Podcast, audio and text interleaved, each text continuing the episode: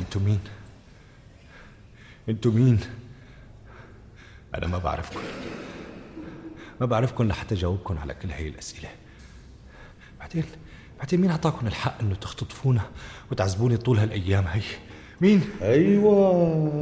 انت في مصر والسودان والأردن والإمارات. ما كل هذه البلاد. أتريد إقناعي بحكاية جديدة؟ أنا كنت بشتغل بالتسويق مع شركة إماراتية. لهيك بسافر كتير حوالين العالم. واحدة من هي المهمات إني أكون بالقاهرة. لهيك ضليت بالقاهرة لوقت طويل. أريد إقناعي أنك كنت في القاهرة. وزرت حديقة الحيوان أكثر من مرة. وما زرت السفارة الإسرائيلية؟ شو عم تقول؟ السفارة الإسرائيلية؟ شكلك مفكر انه السفير صديق طفولة. أعترف لك. أحكي. من هذه الأمريكية التي معك؟ من تكون؟ آه! أهي زوجتك آه! لا لا لا. ومرتي ومرتي آه آه!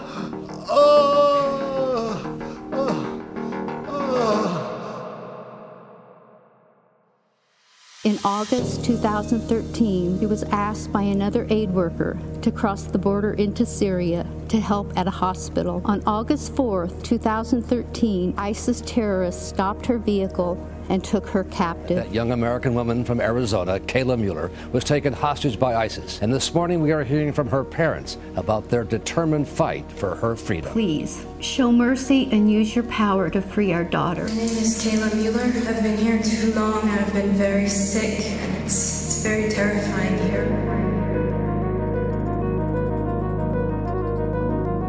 مؤكدا مقتل البغدادي في عملية عسكرية أمريكية سرية دولة أبو بكر البغدادي قتل في عملية عسكرية سرية.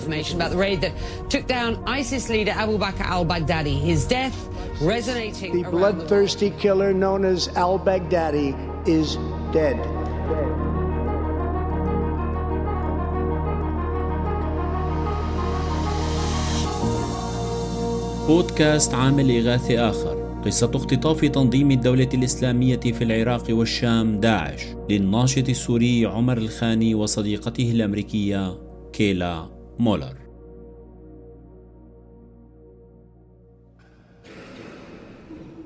كذاب هل تعرف الجنرال فرانسوا من المخابرات الفرنسية؟ وهل هي من وضعتك على اتصال به؟ مين هذا الجنرال؟ أنا أصلا ما بعرف فرنسا وما كنت هنيك بحياتي. كانت تشتغل جليسة أطفال. وكانت بدها تتعلم اللغة الفرنسية. مشان تتطوع بالعمل الإنساني بأفريقيا.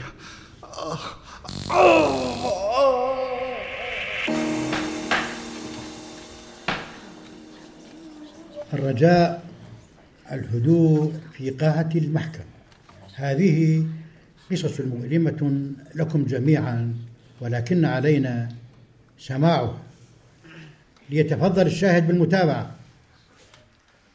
رغم العذاب بات عقلي يغلي انشغالا بحالة كايلا وسط هذا المكان الغريب. هي لا تشبه القسوة الجارحة لهذه التجربة. هي غريبة تماما عن مساحة البشاعة هذه والقادرة على تحطيم لطفها ورقتها بغمضة عين. كيف لمناطق محررة من نظام الأسد أن تقبل بوجود خراجات القذارة هذه؟ ما فائدة الثورة؟ إن لم نتمكن من إلغاء هكذا أماكن تذكرنا بفروع المخابرات السورية. تلك الأجهزة العنيفة ليست إلا جغرافيات تعذيب ترسم حياتنا بدماء نزفناها لسنوات في أقبيتها. فكيف سنسمح باستمرار التجربة أو شبيهاتها؟ يتغلب تيار الكهرباء أحيانا على افكاري وحواري الداخلي وسط التعذيب. انشغالي بكايلا كان أقوى من الضرب الذي استمر لأكثر من ساعتين. أعادوني إلى الممر لكي أبقى واقفا. تابعت الإصغاء لكل أصوات التعذيب البعيدة بحثا عن كلمات كايلا أنتظر مشدودا على وتر الزمن الغريب. أحيانا تمتد دقائقه لساعات واحيانا تمر أيامه بلمح البصر. يطرق رأسي سيل من الأسئلة. هل عذبوها؟ هل فعلا أخبرتهم بأننا لسنا متزوجين؟ أيعقل أنها نسيت اتفاقنا لمواجهة مثل هذه الحالات.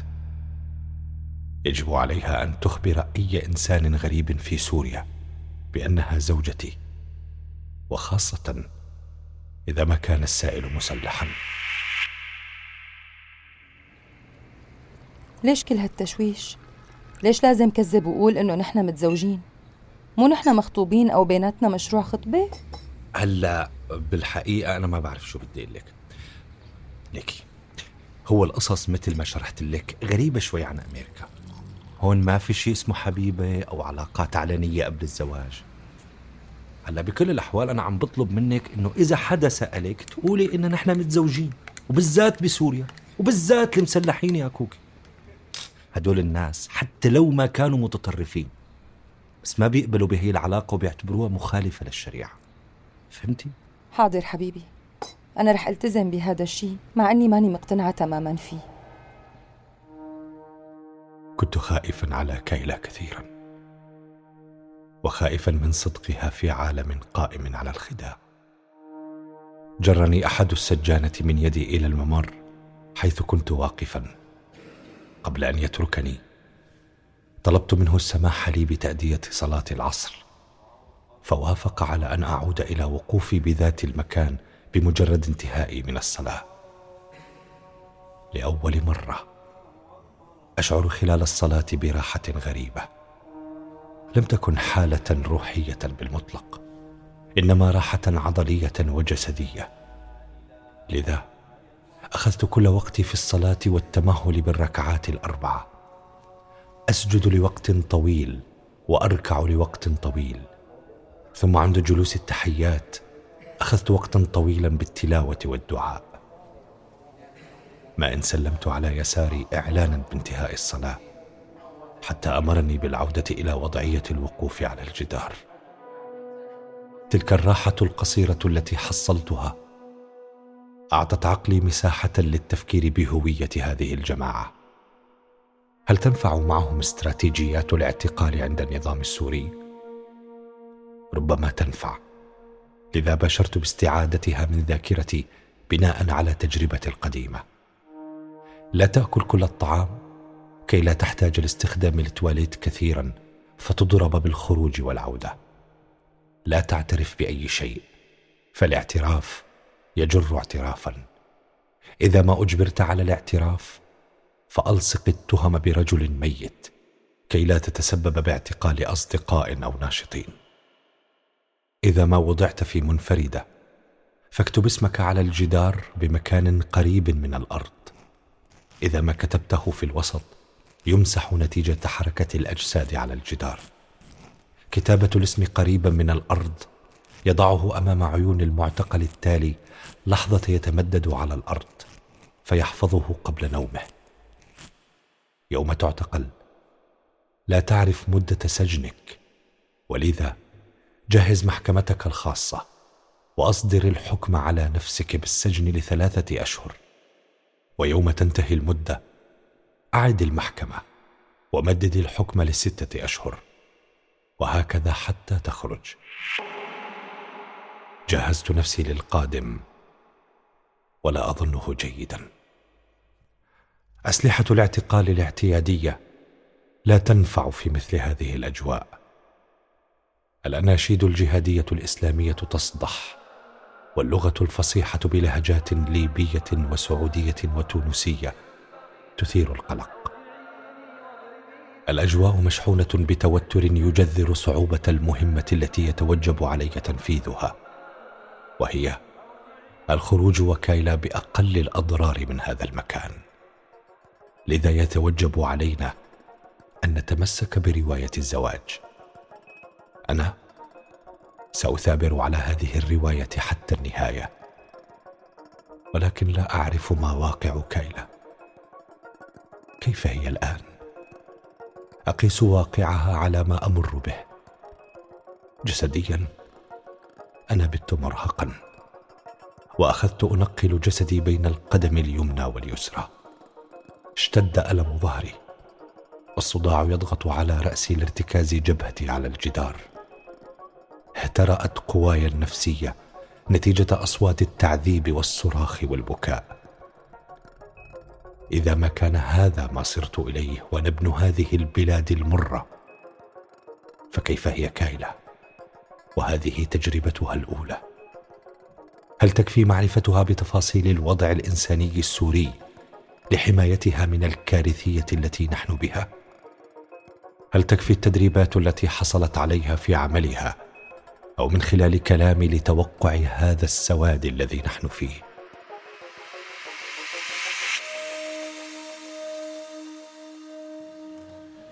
عذرا سيد الخاني ولكن هل كانت كايلا على اطلاع واسع بما يخص الواقع السوري؟ وهل كانت تعرف بوجود مثل هذه الجماعات الجهادية؟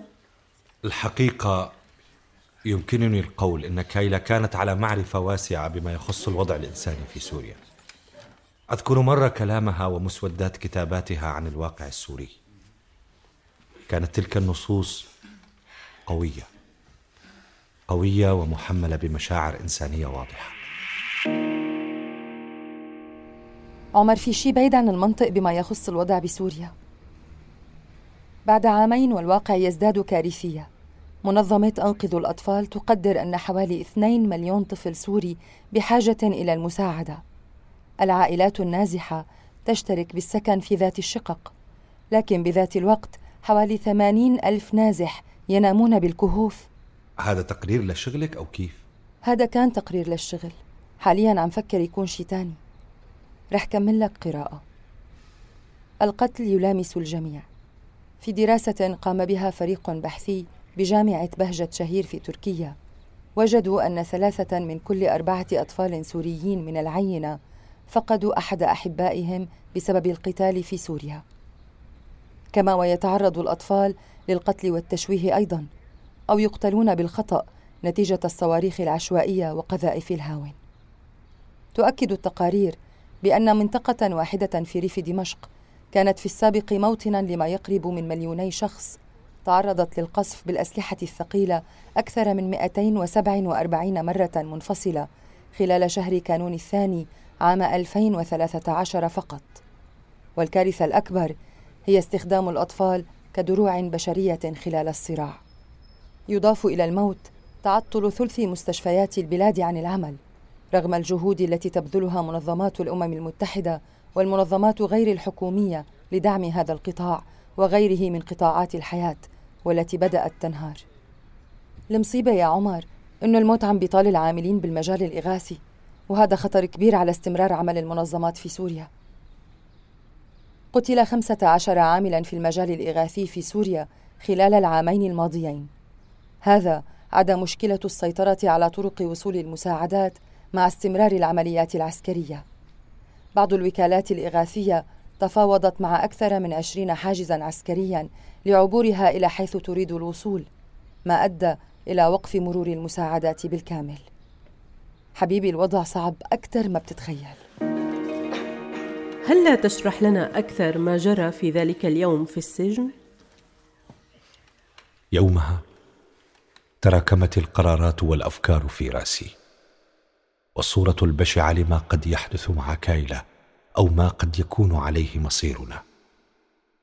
لذا رميت جسدي على الأرض وكأني سقطت. املا بكسب بعض الراحة ولو لثوان معدودة. لم يتأخر صوت السجان امرا بالعودة إلى الوقوف. وعندما تجاهلت الأوامر تحرك باتجاهي وما إن بت في مرمى قدميه ويديه حتى باشرني بالضرب مستخدما عصاه تارة وحذاؤه تارة أخرى. تحت التهديد باستدعاء الأخوة لجعلي أقف بالقوة. استجمعت طاقتي ووقفت. إلا أن الثواني القليلة التي حصلت عليها تحت الضرب ممددا فوق الأرض كانت مفيدة وأعادت شحني.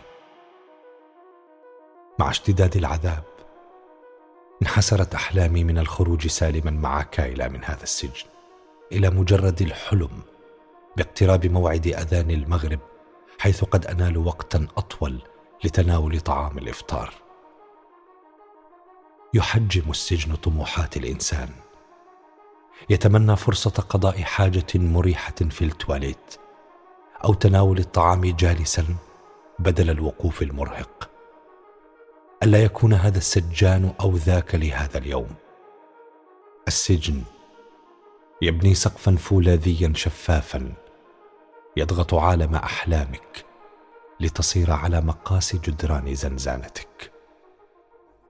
أخيرا جاء صوت أذان المغرب أو لحنه على أقل تقدير.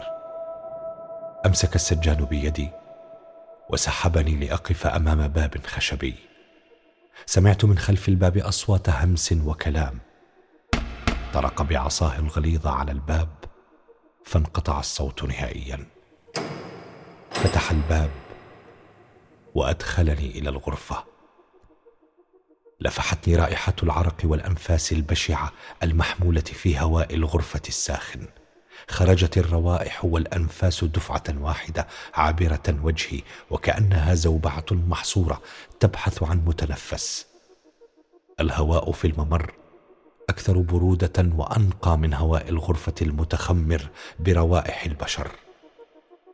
تركني حائرا في عتبة الغرفة وأغلق الباب. شو بك خيو شو بك شيل الطماش عن عيونك ارتاح. شراب أخوي شراب روق آه. وشرب لك كاسة مي. المغرب قدام يسلموا يا طيب يسلموا. هلا وين نحن؟ مين هدول؟ لك الله يكون بعونه وعونه. هذا شكله جديد هون. طري لسه ما عارفان شو صاير فيه. الله يحمل معه لك ما حدا بيعرف نحن وين أو مع مين. أو حتى مين هدول؟ لا بتسأل السؤال ما حدا بيعرف. واللي بيعرف ما رح يقول لك ممنوع هون تحكي مع حدا. آه. أنت إمتى جابوك؟ أنا يمكن صار لي يومين أو ثلاثة. أخذوني أنا ومرتي من المنطقة الصناعية. أخوي لا تخاف. هدول جماعة بيخافوا الله. وأكيد مرتك بيطلعوها مباشرة. ما لهم شغل مع الحريم.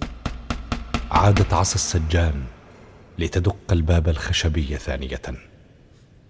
فأدار الجميع وجههم عني والتفتوا إلى الجدار. السجن يعلمك بالتقليد. ففعلت مثلهم. فحولت جسدي كليا باتجاه الجدار. فتح السجان الباب ليضع على الأرض وعاء معدنيا صينية ويدفعها إلى قلب الغرفة مصدرا صوت احتكاك بشع ثم أطلق سؤاله عن العدد فرد أحد المخطوفين السابقين ستة عشر. فإذا بالسجان يرمي كيسي خبز على الأرض ويغلق الباب معلنا القدرة على العودة إلى وضعية الحركة الحرة داخل الغرفة. تجمع خمسة عشر منا حول الصينية وبقيت متكئا في مكاني من شدة التعب. فإذا بأحدهم يعطيني رغيف خبز عليه القليل من الأرز الذي أدخله السجان كفطور رمضاني. رفضت الطعام لعدم قدرتي الجسدية والنفسية على الأكل ولكنه أصر بقوله إنها الفرصة الأخيرة لهذا اليوم كي تتناول بعض الطعام. وافقته مجبرا وأكلت القليل من الخبز مع الأرز شبه النيء وأعدت البقية إلى صينية الطعام. التي تحلق الجميع حولها. الفارق بين غرفة هذا السجن وسجن النظام الذي عرفته قبلها بعامين هو لون الضوء. هناك كانت العتمة هي لون الحياة. أما هنا فهي ألوان ضوء النيون البيضاء الشاحبة. الغرفتان مغلقتان تماما دون أي فتحات تهوية أو شبابيك. والحرارة تزيد الوضع قسوة واختناقا. البؤس المتراكم في تلك المساحات الضيقة كفيل بدفع الرسام فان كوخ لقطع أذنه الثانية ولسانه وربما حتى أصابع يديه. ذات الآلية المخصصة للحياة في مثل هذه المساحات تتكرر هنا عند الدولة الإسلامية وهناك في دولة الأسد. بطانيات قذرة تفترش أرض المكان تمثل فرش النوم وكل واحدة منها يزينها حذاء أحدهم كوسادة تحمل رأسه عند النوم. جدران هذه الغرفة مزينة بعبارات دينية وأسهم للدلالة على اتجاه الكعبة قبلة المسلمين. جدران زنزانة سجون المخابرات السورية مغطى بالذكريات. لفلان من القرية الفلانية أو تاريخ اعتقال لأحد السابقين. ونادرا ما كانت تغطى ببعض العبارات الشعرية أو الدعاء بالخلاص. إلا أن غرفة هذا السجن كلها شعارات أقرب لشعارات حزب البعث العربي الاشتراكي مع استبدال كلمة البعث بكلمة الدولة الإسلامية. متابعة شعارات الجدران تنافست في رأسي مع سلسلة الاحتمالات المتوقعة لنهاية هذه التجربة. هل يعدموني مثلا؟ لكن لماذا؟ فأنا لم أفعل شيئا خاطئا. لا أعمل مع أي وكالة أنباء بعينها. حتى عملي كمواطن صحفي تركته منذ خرجت من حي القابون قرب دمشق. سلمت كل المهام إلى المكتب الإعلامي هناك من صفحات تواصل اجتماعي. وقناة يوتيوب وغيرها من التفاصيل. تركت كل شيء وغادرت إلى تركيا للقاء كايلا وبناء حياتنا المشتركة هناك. الباب يومها لم يصمت ابدا. دقت وعص السجان للمرة الثانية منذ دخلت الغرفة. وقف الجميع وبدأوا بالاصطفاف خلف بعضهم بعضا. وكل منهم يغلق عينيه بالطماشة تلقائيا. بادر أحدهم لتفسير بأنها فرصة الخروج الأخيرة إلى التواليت وهي الثالثة بحسب البرنامج المتبع. المرة الأولى بين الساعة الرابعة والخامسة صباحا أي عند صلاة الفجر. الثانية بين الثالثه والرابعه عصرا أي بين صلاتي الظهر والعصر. والثالثة في هذا التوقيت بعد صلاة المغرب وقبل صلاة العشاء أي بين السابعة والثامنة مساء. علينا التحكم بمواعيد خرائنا وبولنا وحتى ضراطنا كي نبقي على وضوئنا مستمرا لتأدية الصلوات الخمس طيلة النهار والليل. كنت الثاني في طابور الخروج إلى التواليت. أمسك بكتف من أمامي والذي يقف خلفي يمسك بكتفي. يقودنا السجان كقطار إلى الحمام الذي عرفته عصر اليوم. لم أفوت فرصة الخروج إلى الحمام للبحث عن كايلا. حاولت التقاط أي صوت نسائي في المكان. وعندما فشلت صرخت بصوت مرتفع يا رب يا كريم عفوك ورضاك. املا بأن تسمع صوتي ويعطيها هذا نوعا من الطمأنينة. زجنا السجان في غرفة الحمام وأغلق الباب علينا جميعا في هذه المساحة. رفعنا الطماشه عقب سماع صوت إغلاق الباب. وعلى الفور غرق المكان بأصوات خروج الفضلات.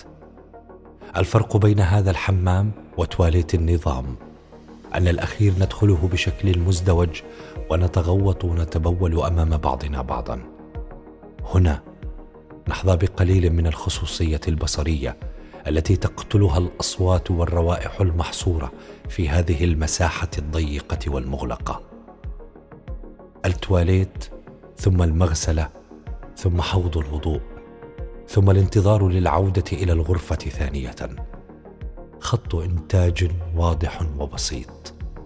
البعض يملؤون قوارير بلاستيكية بالماء ليأخذوها معهم إلى الغرفة. البعض يحاول تقليد حركات الوضوء والواضح أنهم لم يدخلوا مسجدا في حياتهم. البعض يتمتم بكلمات غير مفهومة للإيحاء بتدينه وقربه من الله. حاولت متابعة خط الحركة هذا ولكن بصعوبة بالغة استعرضت حركات الوضوء التي أعرفها جيدا. وكل ما يشغلني هو اللحظة التي قد أستيقظ فيها وأجد نفسي خارج هذا الكابوس. دقات السجان على باب الحمام أيقظتني على الواقع ثانية. عاد طابورنا إلى الغرفة بكل خشوع وملامح إيمان تغطي وجوهنا خوفا من وجود جاسوس بيننا يخبر الأخوة بتقصيرنا في طقوس الشريعة. الخاني أين أنت؟ ضع الطماشه على عيونك وتعال معي. من هذه الأمريكية التي معك؟ معي جهاز مخابرات تعملان. هي جاسوسة أمريكية وأنت مساعدها أليس كذلك؟ يا شيخي أنت لوين بدك توصل؟ حاصله من الآخر نحن مانا جواسيس ومانا عملاء وهي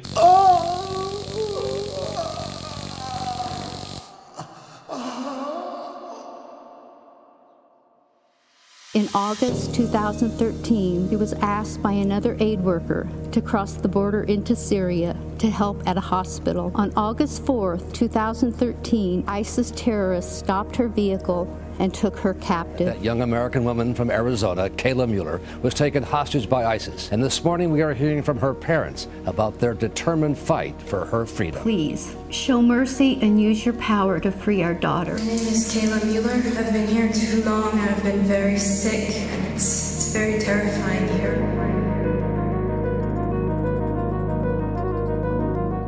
مؤكدا مقتل البغدادي في عملية عسكرية أمريكية سرية دولة أبو بكر البغدادي قتل في عملية عسكرية سرية.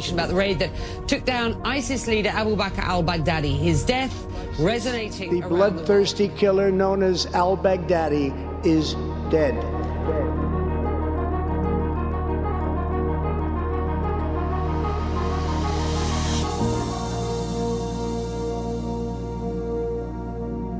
أنتج هذا العمل الفني بدعم وتمويل من مؤسسة هاينريش بول.